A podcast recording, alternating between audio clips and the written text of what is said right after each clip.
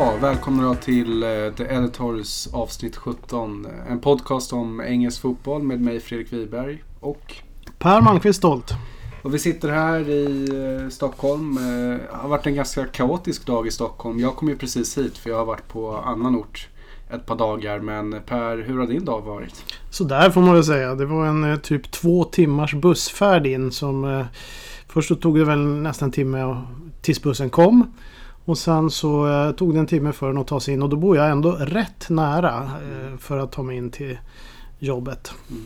Ja, det ska bli intressant att se eh, när vi tar oss hem efter detta avsnitt hur, vem som kommer hem först och om vi kommer hem överhuvudtaget. Det vet vi inte än.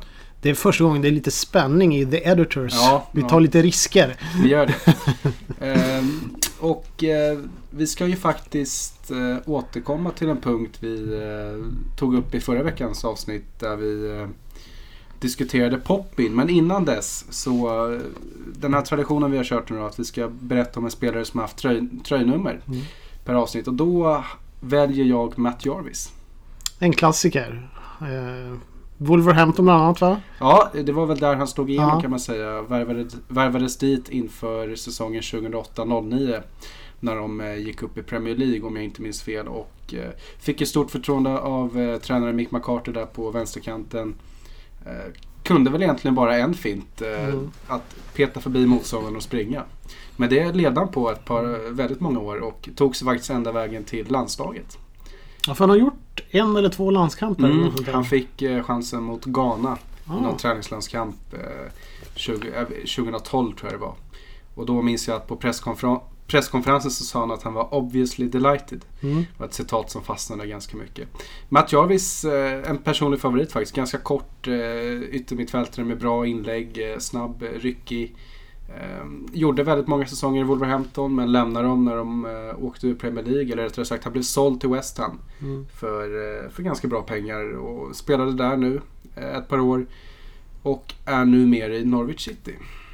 Just det. Och hur gick det i West Ham? Det var väl, han var väl hyfsad där? han Ja inte? visst, han fick eh, spela, spela ganska många matcher från start och gjorde väl några assist och några mål. Var väl ingen bärande spelare så men, Nej. men ändå ganska viktig. Och eh, ganska kul grej med Matt Jarvis är att han var ganska bra i pingis innan han började spela fotboll. Ehm, Så det var ju nästan lite så här vilken sport han skulle välja men han, han valde väl rätt kan man säga. Fostrad i Gillingham. I Gillingham ja. Det är, Faktiskt. bara en sån sak är ju... Det är inte illa. Nej. Per, du fick ju ett mail från eh, en, Ja. en lyssnare.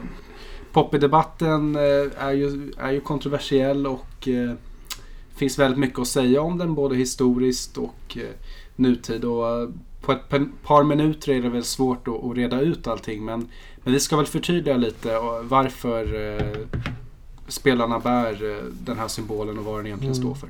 Ja, det är jättekul när, när lyssnarna eh, kommer med kommentarer och, och funderar över saker. Och det var en, en eh, herre som heter Kalle som tyckte vi hade varit lite otydliga om det här med Poppin. Och vi, vi kan väl försöka i alla fall att, att förtydliga lite grann. Det som är med Poppin, det vi, vi var ju inne på att det är helt okej eftersom det är någon form av lokal sedvänja och att man ska fortsätta med det här. Och, men då är ju den diskussionen att det är ändå en politisk eh, eh, sätt att politiskt påverka eller att visa någon form av eh, politik utåt som egentligen inte enligt Fifa ska få förekomma. Mm. Men då menar vi att den lokala sedvänjan går före. Och då kan man ju då ifrågasätta, men vad är det? Det- som händer i den här poppen, det symboliserar ju då minnet av de som har stupat i krig. Mm, och det är britter också så det är, Det är inte britter. engelsmän. Även om många engelsmän men, men det, är, det kan vara skotter, det kan vara walesare, det kan vara Exakt. nordirländare. Och då kan man då ifrågasätta, ja men kan det då ha varit i sådana krig där man har på något sätt eh, mera orimliga krig där det kan finnas alltså Falklandskriget så kanske till exempel inte argentinarna tycker att det är så trevligt och så vidare. Eh, hela den här infek- infekterade situationen under så många år på eh, Irland. Irland och, och sen. Nordirland. Men det här är faktiskt så att Remembrance Day är ju liksom hågkomstens dag. Och det bygger då på eh, krigsslutet under första världskriget, alltså stilleståndsavtalet 1918 mellan alla stridande parter då. Eh, och det här var då den 11 eh, november. Mm. Och det är också då den 11 november det här kulminerar. Mm. Och den här poppyn, den symboliserar ju egentligen, det, det växte ju mycket sådana här vallmoblommor på de här slagfälten. Framförallt då på västfronten där det här fruktansvärda skyttegravskriget var. Mm. Ehm, och det symboliserar ju blodet och eländet från den tiden. För första världskriget var, det var 1914 till 1918, ett, ett fruktansvärt, det första riktigt fruktansvärda storkriget med enormt många offer. Och speciellt på västfronten.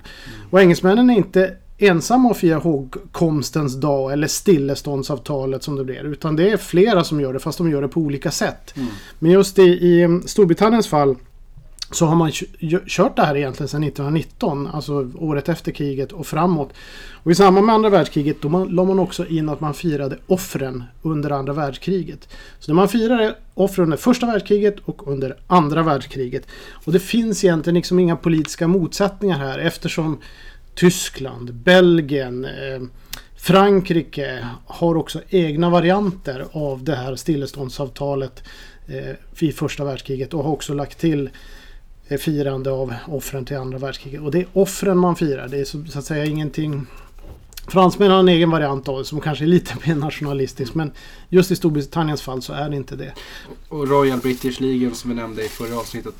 Eh, då kan man ju då köpa en sån här eh, poppy. Man väljer en valfri summa man, man väljer, lägger i skålen då eller vad de nu har för, för skrammelverktyg. Och, eh, det, de där pengarna går ju då till offrens anhöriga om jag har förstått det hela rätt. Ja, jag tror också att det är. Det har, det har jag inte lika bra koll på. Nej, men det, eh, det, det är så jag tror eh, Mm. det fungerar. Och eh, Just den 11 november som jag var inne på. Mm. Då ska ju England och Skottland mötas på Wembley Stadium. Och Senaste nytt är väl att England har sagt att man kommer bära poppen nu. Mm, mm. Och så, vi, vi får väl se. Men återigen, jag tycker att det är en, en form av yttring som är rimlig ur ett även politiskt perspektiv. Eftersom man hedrar offer egentligen Mm. från krigen. De två fruktansvärda krig vi har haft på den europeiska kontinenten. Men du som har varit med ett par år, eh, i alla fall levt Lite My- längre. Lite längre än vad jag har gjort. Eh, har vi sett den här debatten om poppen tidigare? Nej, jag har aldrig sett den i alla Nej. fall. Jag har kanske inte har följt den så noga. Jag tror inte vi har följt den så noga i Sverige Nej. överhuvudtaget. Men, men jag, jag har inte sett den. Men de blev ju, de slog ju på stort där borta i England förra veckan när Mm. Fifa nu sa att man kanske eh, skulle straffa England då för, för att bära den här poppin. Och Mm. det upprörde ju många där borta. Mm. Ja, det kan man ju förstå faktiskt. Det här är ju liksom... Det är någonting som man har hållit på i snart hundra år. Och återigen, det är offer i, i två världskrig som eh, var helt enkelt fruktansvärda för Ja. Europa och världen.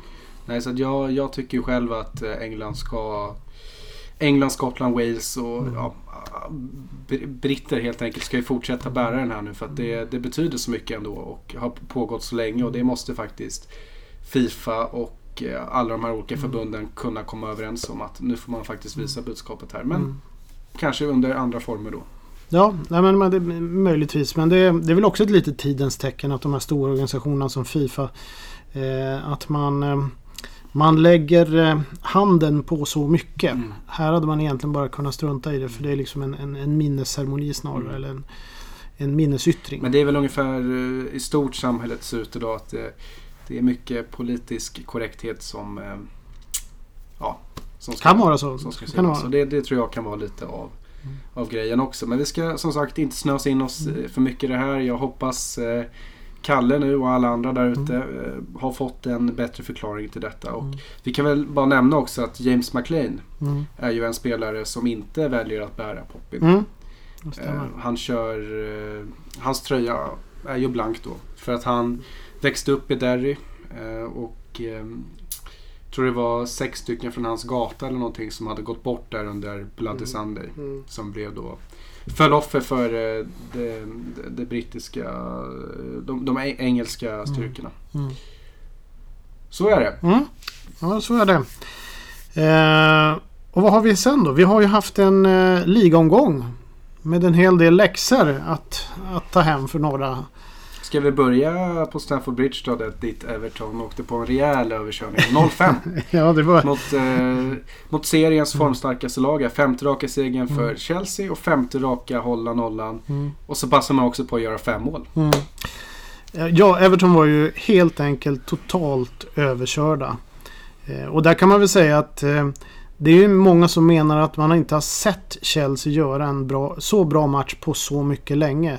Jag kan väl bara hålla med. De var helt magnifika. Det går liksom inte att stoppa dem när de är i den här formen.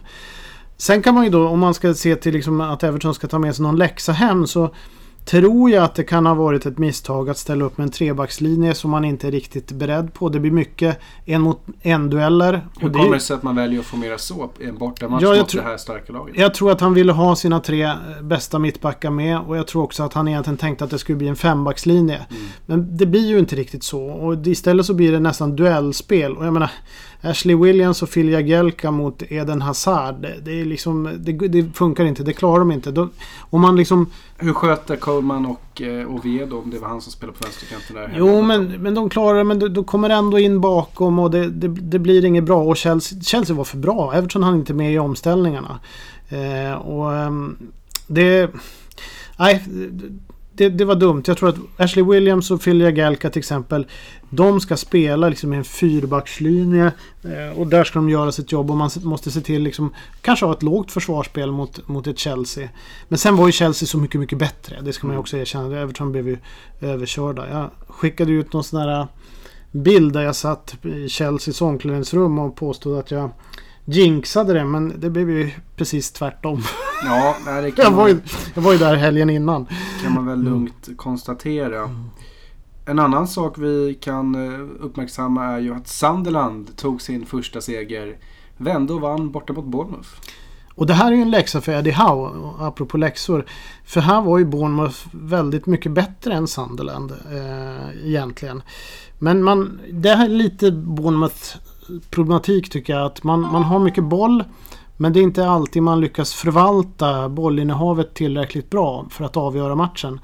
Och har man då, eh, jag menar Victor Anichebes prestation när han liksom bryter sig fram och eh, stänker upp bollen i nättaket. Och sen en straff av Defoe. Ja, då kan man förlora såna här matcher. Mm. Sen å andra sidan är jag ändå rätt glad för David Moyes. Oavsett liksom vad man tycker om David Moyes så, så kanske han förtjänade det här lite Ja. andrum ändå. Mm. De kämpar ju i alla fall Sunderland. Ja. Inget bra tecken för David Moyes i alla fall. Lite smolk i glädjebägaren var ju att Hull City tvålade dit Southampton med 2-1 på söndagen. Och ehm, ja, var kom den segern ifrån? Ja, det var ju... Var det inte några snabba mål där som de, de gjorde? För Southampton tog Ja, ju de gjorde ledningen. två eh, Snodgrass 61 och eh, 63. Michael Dawson 63. Ja, alltså Southampton tog ju ledningen. Jag såg början på den matchen. Eh, och det såg ju sådär stabilt ut som det ska göra med Southampton. För Southampton har varit ett av de mest stabila lagen hittills i år. Mm. Eh, men det är Premier League. Man kan aldrig slappna av. Mm. Och på tre minuter så stod det 1-2. Och efter det orkade inte riktigt Southampton Det vända. det är rätt kul att läsa skottstatistiken efter Mm. matcherna också. Att sex skott eh, mot Southampton 20. Mm, ja men det... Bollinnehav 36-64 Mm. till Saints fördel. Så att, eh, ja. Nej, men de hade behövt De göra effektiva. 2-0. Mm. London-derbyt då? 1-1. Fick du någon eh, kommentar om det? Ja, lite. De, det var ju, var ju en rätt bra match och eh, båda lagen imponerar på sitt vis. Eh, Tottenham visar hur oerhört svårslagna de är. Sen tycker jag liksom när Arsenal i sina bästa stunder under vissa delar av matchen spelar en fantastisk fotboll. Eh, det måste jag erkänna. Så de här två lagen kommer att vara med där uppe och kämpa eh, hela vägen. Det är jag rätt övertygad om. Mm. Ett- Ett resultat som eh, många nog eh, inte hade med på kupongen var ju att eh, Manchester City Middlesbrough 1-1 eh, fortsätter gå lite trögt för Manchester City. Man trodde de var på gång nu när man tvålade dit West Bromwich med Mm. 4-0. Eh, jättefin insats hemma mot Barcelona. Vann med, med 3-1 va? Mm. Ilkay. Gundogan två mål. Så att, eh, ja. Och nu blev det ba- bara 1-1 här mot Middlesbrough. Det, han måste sova dåligt på nätterna Pep. Ja, han har en del att göra tror jag. För jag menar, han, han går på lite läxor då och då. Det här är också en sån läxa tycker jag. Ehm, det här är Premier League och, och det är så att genom att de inte gjorde 2-0 så har hela tiden Boro chansen. Boro har växt. De ser bättre och bättre ut för varje match. Förut var de, tycker jag, lite försiktiga. Men nu vågar de kliva fram. Absolut. Med ett stabilt försvarsspel i grunden. 0-0 borta mot Arsenal, eh, slog Bournemouth Mm. hemma och nu tar man en sen poäng här också. Så sju poäng på de tre senaste, det är bra. Ja, det är riktigt bra. Och sen så, Fem poäng. jag menar... Sen är, sen är det ju så att eh, City dominerade ju som vanligt fullkomligt. det ska man erkänna. Men för, ju Oj. längre matchen gled desto mer kände man att fan, Boro är farliga i sina Ja. omställningar. Och sen kom målet då precis alldeles i slutet. Men City måste liksom stänka in en till. De måste kunna lära sig att säkra upp de här matcherna på Ja, för sätt. offensiven går ju inte att klaga på. De har Nej. ju alla spelare som krävs för att kunna vinna matcher med Mm. 4-5-0 precis som Chelsea gör. Men jag kan väl tycka och har sagt det förut att det är försvaret som inte riktigt hänger med där med Otamendi och Kolarov. Mm. Det är ingen rolig backlinje egentligen. Alltså, då måste John Stones se på tillväxt. De måste förstärka nu i eh, januari. Ja, de, är, de är ju sårbara där. Och liksom motståndarlagen vet nog vart de kan sätta in stöten. Så att, återigen, det är lite läxor. Men jag tror att, att eh, Pep Guardiola, lär sig väldigt mycket nu undan för undan. För han är ju rätt bra på det där att kartlägga, pejla in och sen anpassa efter Plus det. att man, Pep Guardiola ser sig som en av världens bästa tränare och det är han ju i mångt Ja. och mycket. Men man får inte glömma bort att det är hans första säsong i Premier League också. Helt klart. Så att han har en del att liksom lära också. En som gör sin andra säsong i Premier League är Jürgen Klopp. Och Mm. eh, det här året har han ju verkligen fått saker och ting stämma borta på Anfield. Eh, 6-1 mot Watford. Inget snack om saken. Nej, Det är, ju, det är ju inte någon överraskning längre när, när Liverpool tokdominerar fotbollsmatcher. Som de spelar fotboll. Det är ju nästan magiskt att se. Eh, just Chelsea och Liverpool. Den formen som de två lagen har. Det vet inte tusan om jag har sett några motsvarigheter till. Det är möjligtvis Manchester City i början på förra säsongen. Och, och, och kanske alldeles i början på den här säsongen. Men sen tycker jag det är flera år sedan dess. Då får man liksom gå tillbaks till någon mästarupplaga av Sir Alex Ferguson. Eller Chelseas Mourinho, Mourinhos Chelsea under någon period där och eh, ja förstås The Invincibles i Arsenal Mm. också. Nej, jag håller med för att jag har varit sjukt imponerad Mm. över det Liverpool har visat upp ända sedan augusti. Alltså det offensiva spelet som, eh, som går på så många olika lirare i det här laget. För lirare är det verkligen de har. Mm. Mané, Firmino, Coutinho, Mm. Lalana. Ja. Det är, alla är ju hur bra som helst och eh, statistik är ju jättekul att läsa och så Mm. ser man då 28 avslut mo- mot mål, 17 skott på mål. Mm. Mm. Det är dominans rent utav. Ja det är dominans och de är ju Ja de är fantastiskt bra. Det är bara att konstatera. Frågan är liksom hur länge de orkar hålla i. Ja. Klarar de hela säsongen? Om de klarar hela säsongen då är det svårt att se något annat lag som kan spela bättre. Ja, möjligtvis City i sina bästa stunder. Chelsea, ja. Kanske de, men, men annars så är det svårt. Mm. Arsenal brukar all... Jag tror Arsenal, det var länge sedan Arsenal lyckades prestera så fantastisk fotboll under längre perioder. Men just det här som du säger att det är en lång säsong och eh, då kan det ju bli skador också. Det. Låt oss säga att både Mané och Coutinho försvinner samtidigt eh, under jul här där det är ett tufft spelschema och så. Då blir det nog inte samma, Ja, samma stup Nej. på, på spelet. Om vi går vidare, andra matcher så har vi ju eh, Leicester West Bromwich där man kanske trodde nu att Ranieris rävar skulle kunna avfärda detta Mm. Tony Pulis-lag men eh, det gjorde man inte. Förlust 2-1. Ja, jag såg delar av den matchen också. Eh, det var väl... Svårt att säga. Jag, ty, jag tycker... Ganska chansfattig match. Ja, Leicester och West Bromwich. Det var en, en match som jag tror West Bromwich gillade och då vann de också. Mm. Vad har vi inte pratat om då? Vi har inte tagit upp Zlatans... Eh, att, han bröt, att han bröt sin måltorka. Han gjorde Mm. två mål borta mot Swansea som fortsätter ha det tungt. Eh, 3-1-seger för eh, Mourinhos grabbar. Ja, det är alltid imponerande med en sån eh, liksom, vad ska man säga, övertygande seger som de tog i den matchen. Sen är ju Swansea väldigt, väldigt svaga. Det ska man ju vara Ett medveten skott på mål på 90 minuter. Nu är det Manchester United som står Ja, för motståndet. Men eh, ändå, det är för dåligt. Bob Bradley har mycket att fundera på. det har han. Men där var det ju också lite spännande med, med United att de hade ju väl nästan bytt ut hela backlinjen. Phil Jones spelade och så vidare. Ashley Young som högerback, Rocco, Ja. Rojo Darmian. Och det var tydligen så att eh, Chris Smalling han hade sagt att han... Eh, inte var 100% och inte tyckte att han själv skulle spela. Och då mm. blev han självfallet petad.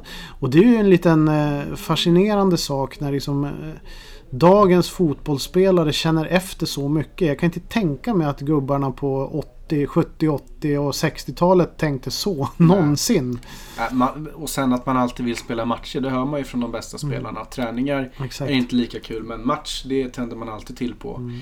Eh, vi ska också tillägga att Chris Smalling inte kom med i Englands senaste mm. landslagstrupp här heller. Så det kanske är lite problem. Det kan, vara, det kan också vara att jag blandar ihop. För det var Luke Shaw och Chris Smalling. Och jag tror det var kanske Luke Shaw som sa att han inte var eh, riktigt 100% Ingen av dem var med i matchtruppen i alla fall. Nej. Så att uh, vi får se. Men, men Mourinho var ju lite kritisk mot det här också efteråt. Så vi, vi får väl se hur det går för dessa två herrar. Mm. Shaw har ju varit uh, illa ute hos Mourinho tidigare. Men, så att, ja, vi får se hur hans framtid i Manchester United ser ut. Vi har två matcher kvar att nämna och ett inte helt oväntat kryss kom på London Stadium, West Ham Stoke 1-1. Även om jag själv eh, satt en 1 och 2 på kupongen så... Mm. Ja, tungt. Ja, lite. Jag tror båda... Inget av lagen är väl nöjda med det resultatet? Nej, båda lagen hade nog velat ha tre poäng från den matchen. Och jag tycker nog ändå att Stokes form är rätt bra. De, de har börjat få igång sina nyckelspelare och så vidare. Ja, de ska ju inte skämmas för att ta en pinne bort mot West Ham. Absolut inte. Nej, så att, eh, ja, det är väl inte så mycket mer att kommentera om den. Nej, men att West Ham fortsätter ha det svårt på hemmaplan. Ja. Alltså, tittar man på förra säsongen, vilket lag West Ham var. De har ju fått behållit stommen av det laget som ändå imponerade. De har kryd, kryddat det med ett par på pappret bra nyförvärv mm. men de får det ju inte att stämma trots att Slaven Bilic är kvar mm. i laget. Och det kommer bli jätteintressant att följa dessa, just dessa två lag tycker jag de kommande matcherna och se vart de tar vägen utvecklingsmässigt. Om mm. de fortsätter att på något sätt ta sig uppåt eller om de stagnerar eller om de rent av börjar sjunka. Jag tror Stoke kommer fortsätta att, att vara rätt stabila och rätt bra. Ja, det tror jag också. Större frågetecken för West Ham och där fansen inte kan vara nöjda över vad de Nej. tvingas se nu. Den här flytten blev nog lite för jobbig. Ja, de hade rätt höga förväntningar. Det, det, det är som... Ja, jag hade dem eh, som en topp 6-kandidat. Ja, och det, som, det, har blivit, det blev en... Vad ska man säga? Det blev en bass runt West Ham. Eh, ägarna visar på ambition. Man eh, börjar snacka om att man ska utmana.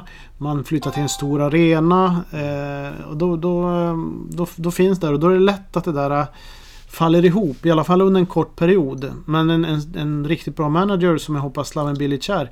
Han skulle kunna lyfta upp det där igen. Ja. Ja, men det, är, det är ungefär som Leicester då. Mm. Klubben som ingen trodde skulle gå och vinna ligan, vinner ligan. Mm nu den här säsongen så visar man väl upp sitt rätta jag lite mer. Att man är ett mittenlag mm. snarare än ett topp 6-lag. Mm. Gör det visserligen jättebra i Champions League men mm. ligamässigt eh, hänger man ju inte med. För man är inte riktigt där än. Man behöver en, en stabil grund att falla tillbaka på. Exakt. Mm.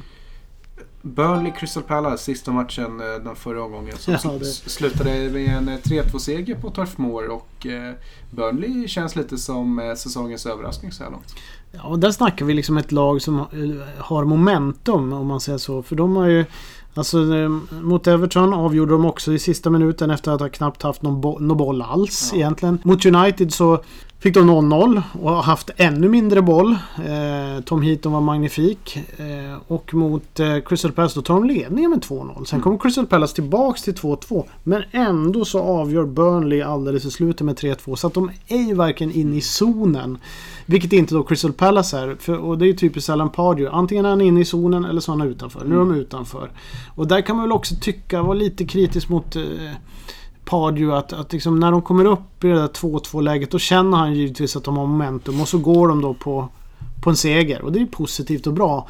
Men mot ett Burnley i, i den form de är nu då blir man kanske straffad. Mm. Jag tycker det är ganska intressant med Burnley också att man har Tom Heaton som kanske är PLs bästa målvakt så här långt. Eh, inte bara för insatsen mot mm. Manchester United utan han får aldrig de här riktigt stora rubrikerna. är alltid bra. Mm. Har varit med i det engelska landslaget ganska mm. länge nu som tredje målvakt och eh, man har även fått fram mittbacken mm. Michael Keane som nu mm. har plockats med i landslaget de två senaste mm. trupputtagningarna. Han har inte fått någon speltid än. Men intressant ändå. Tittar man på Burnleys lag så det är inte namn, namnstarkaste men Sean Dice, tränaren där, han gör det riktigt bra. Han är riktigt bra. Jag tycker att här har vi någonting som... Han har ju dessutom fått tid att jobba med det här Burnley. Eh, och eh, det manager som har... Eh, som kan bli någonting och som får tid. De, de kan också utveckla och kanske ta ytterligare ett kliv till den riktigt stora scenen framöver. Mm. Och Dice kanske är en sån. Vi får väl se. Eh, intressanta nyförvärv i Jeff Hendrick från Derby, Mm. mittfältaren där. Gjorde mål mot Sverige för Mm. övrigt i EM, ni Mm. som minns honom. Och eh, Steven Defour, belgaren, som eh, är en skicklig spelmotor i detta gäng. Definitivt. Och det har ju liksom, de lyckas ju ändå ganska bra utan andra grej. Ja, det, det gör de ju faktiskt. Får se vad som händer när han kommer tillbaks nu. Men, men de, de gör det bra. Ja. Vi eh, stänger den där omgången och eh, blickar framåt mot nästa som är om ett par veckor. Men däremellan så har vi ju landslaget som vi tänkte prata om. Nu på fredag kväll eh, tror jag Wembley blir utsålt. Jag kan inte tänka mig någonting annat. Nej. Rivalerna Skottland eh, kommer på besök. Eh, ja, det ska ju vara på pappret. England är ju favorit givetvis. Men det här är ju ett derby. Och Mm. en match som betyder mycket. Både för Gareth Southgate och för nationen i stort. Ja, det här är ju en riktig mumma. Alltså, även, även om man kanske var, tycker att det här med, med VM-kval är lite tråkigt och så vidare så är det här fantastiskt Ja. härlig match. Det brukar, det brukar vara mycket hetta och känslor i de här äh, mötena äh, genom historien. Så den här tänker inte jag missa i alla fall. Nej. Nej, det ska inte jag heller göra. Och, eh, du skrev ju en ganska trevlig artikel eh, på PL-guiden, heter det Mm. va? Där du eh, skrev lite nu om eh, Gareth Southgates framtid i det engelska landslaget. Att eh, det kan faktiskt bli han som tar över det här permanent. Ja, det verkar ju så. Enligt eh, lite uppgifter då från England som har skrivits om även här i Sverige igår och så vidare. Så verkar det ju som att om, om han nu inte gör bort sig helt och hållet i de här två matcherna så kommer han att få erbjudande om att eh, fortsätta leda England på permanent basis. Och då ska vi säga att det är VM-kval mot Skottland nu på fredag kväll och så möter man Spanien hemma i en träningslandskamp på tisdag. På tisdag, det stämmer. Så den matchen kommer väl kanske inte betyda så mycket men skulle man nu gå och slå Spanien här så det är inte till Southgates eh, nackdel. Nej, det är det inte. Och då, och då tror jag att, jag menar, det kan hända att FA är less på att leta. Därför att om de nu verkligen vill ha en engelsk född förbundskapten eller en engelsman till förbundskapten så finns det ju inte så jäkla mycket att, tillgå. Ehm, jag, om man liksom tar bort det gamla gardet med Steve Bruce, Harry Redknapp och alla de här och vill ha lite nytänkt då finns det ju inte sådär fantastiskt mycket. Gareth Southgate är en av dem. Han gjorde inte särskilt bra ifrån sig i Middlesbrough vad gäller resultaten. Han han fick ganska lång tid på Tre sig. år satt han där ändå. Steve Gibson, ägaren, trodde ju verkligen och tänkte att han, nu får han den tid som managers normalt inte får. Och det var väl Southgates första uppdrag som Det tränare var också. Southgate, så att han är ju inte så rutinerad heller. Och han är rätt populär bland spelarna. Och, och sen när han kom in i Englands setupen så att säga i U21 och även U20. Då har han ju liksom jobbat med många av de här spelarna och byggt dem. Så jag tror han är väldigt bra med spelarna och är populär där. Det han inte har det är eh, Han har ju inte ännu visat några framgångar direkt. Nej. Inte med Middlesbrough. Och eh, med Englands U21-landslag har ju en fantastisk segerprocent. Jag tror den är över 80%. Men när han väl kom upp till EM då, då eh, funkade det ju inte. Nej, vi såg ju Så alla där. hur, hur förlamade det vassa anfallsparet på förhand, Mm. Harry Kane och Danny Ings var. De gjorde väl inte någonting rätt egentligen. Nej, så det är där som är den stora frågetecknet. Dels hans oerfarenhet och om han verkligen klarar när det liksom blir riktigt... Eh, alltså när det verkligen gäller. När det hettar till Mm. och eh, det var ju som sagt, vi pratade om u 21 EM 2015 där Sverige faktiskt vann och gick hela Mm. turneringen. Mm. Där England med det laget, det, det laget man hade på pappret skulle ju stått i en final. Mm. Men man åkte väl ut, man gick inte ens vidare från gruppen va? Nej, jag tror inte Nej. Så det Så var... att det, ja, det, absolut, Gareth Southgate har, eh, har inte det här... England, man har ju saknat, man har ju törstat efter framgång på väldigt Mm. många år. Och är Southgate den som ska kunna etablera någonting i Ryssland? Visst, det är ett och ett halvt år fram dit tills den VM-turneringen drar igång Mm. där vi förmodligen kommer se England.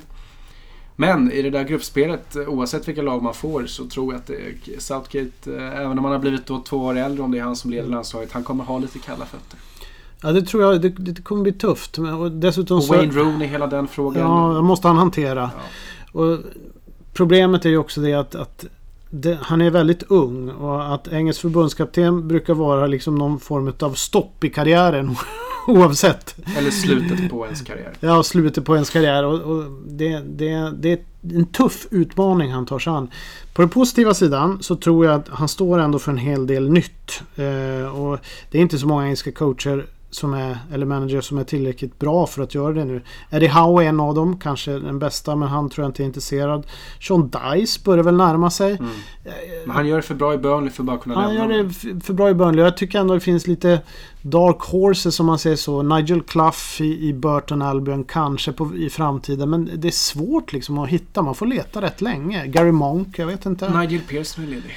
Ja, men det är liksom, han är ju relativt ung men det är fortfarande den, gamla skolan. Och jag tror inte det är rätt att, att liksom utveckla England på det sättet. Sen är ju Southgate också, vilket FA brukar gilla. Han är ju liksom en insider. Han är ju inte obekväm på något sätt. Nej. Utan man kan ju hantera honom. Och de brukar inte gilla allt för obekväma. Jag skrev, Personligheten. jag skrev en artikel på Svenska fans om det där att Mm. han är ju FAs nummer ett. Alltså Mm. förmodligen bakom kulisserna. För att han, är, han har ju fått så mycket tid nu med det här u landslaget och har gjort det bra. Eh, Mm. Slutspel okej men men eh, han är ju, på något sätt så har ju alla dessa år ska ju förmodligen leda fram till någonting högre. Han ska få en, en position högre upp. Så det var inget konstigt att han blev Nej. interimtränare. Och förmodligen kommer nog FA vilja göra han till första tränare om Southgate själv vill det. För det får man inte glömma bort att det är, ju, det är en person här som ska ta ett beslut. Southgate sj- själv är ju den som kommer säga ja eller nej. Mm. Och jag tycker det är väldigt intressant att Southgate måste ju ha någonting. För att det här Vad tror du han vill då? Jag tror han vill. Nu när han har varit, varit Med, med ja. lite grann så vill han nu- Han ser möjligheten. Sen kanske han har någon form av pliktkänsla också. Att han är den som kanske skulle kunna göra det. Det finns inte så många andra just nu. Men, men eh, det är ganska intressant hur många ser honom som en påläggskalv. Så han måste jag ju ha det. någonting. Ja, du gör det. Och Men jag, jag säger inte att det är bra att han är en påläggskatt. Nej, nej. Men jag ser han som en påläggskatt. men jag menar, ordförande Steve Gibson i Middlesbrough gav ju han en ganska lång period på sig. Och där var han ju hela tiden en lovande managern. Eh, Ja, men det är väl lite som du är inne på. Rent socialt så funkar han ju jättebra. Är förmodligen eh, leder träningarna på ett seriöst sätt. eh, Har, har bra, ja, men bra dialog med FA. Liksom. Att han inte är kontroversiell. Att han sköter sig utanför fotbollen. Och inte gör... Han håller sig lugn på presskonferenserna. Säger inga kritiska saker. Och, ja. Nej. Och sen har han ju, han har ju spelat rätt mycket landskamper själv. Det är i alla fall över 50 stycken sådär. Så att han har ju den erfarenheten. Nej, jag, jag tycker ändå det kan vara värt att ge honom chansen. Om man nu måste ha en tråkigt, engelsman. Men, eh, men givet på något sätt. Givet. Och framförallt, vill man ha en engelsman så ja, det finns inte så jäkla mycket mer att, att tillgå egentligen. Nej. Ehm, så att eh, vi får väl se. Jag kommer i alla fall att vara bänkad inför Skottlandsmatchen. Det kommer att bli väldigt spännande. Vi hade väl inte så mycket mer att avhandla då i detta avsnitt utan vi väntar med spänning på... Truppen har vi inte diskuterat men den finns att läsa på Svenska fans. Ja. Den stora överraskningen där var väl att Jack Wilshere åter får chansen. Mm. Och det är väl det, det tycker man också man kan se till Eddie Howes storhet på något vänster. Att han har ju fått Wilshire att vakna igen. Det tog, tog ett litet tag. Och han har inte varit skadad på länge nu heller. Nej. Så han kanske får förtroendet av Southgate, det vet vi inte. Ja. Men eh, vi stänger avsnitt 17 där helt enkelt och Mm. tackar för att ni har lyssnat. Och Mm. eh, det är jättetrevligt att ni mejlar oss eh, faktiskt. Så att vi kan, för vi vill gärna utveckla saker om det är någonting ni inte håller med om eller vill veta mer om. Och sen får ni gärna komma med, med mejl om saker vi, vi, ni vill att vi ska prata om också. Fram, precis, framförallt liksom ämnen. Vi, ämnen som på något sätt rör engelsk fotboll. Det Mm. pratar vi jättegärna om och gräver gärna lite i det och ägnar några minuter åt det om, om ni vill det. Så det tycker vi är jätteroligt. Mm. Bra, tack för den här veckan så hörs vi återigen eh, om en vecka. Tack! Hej!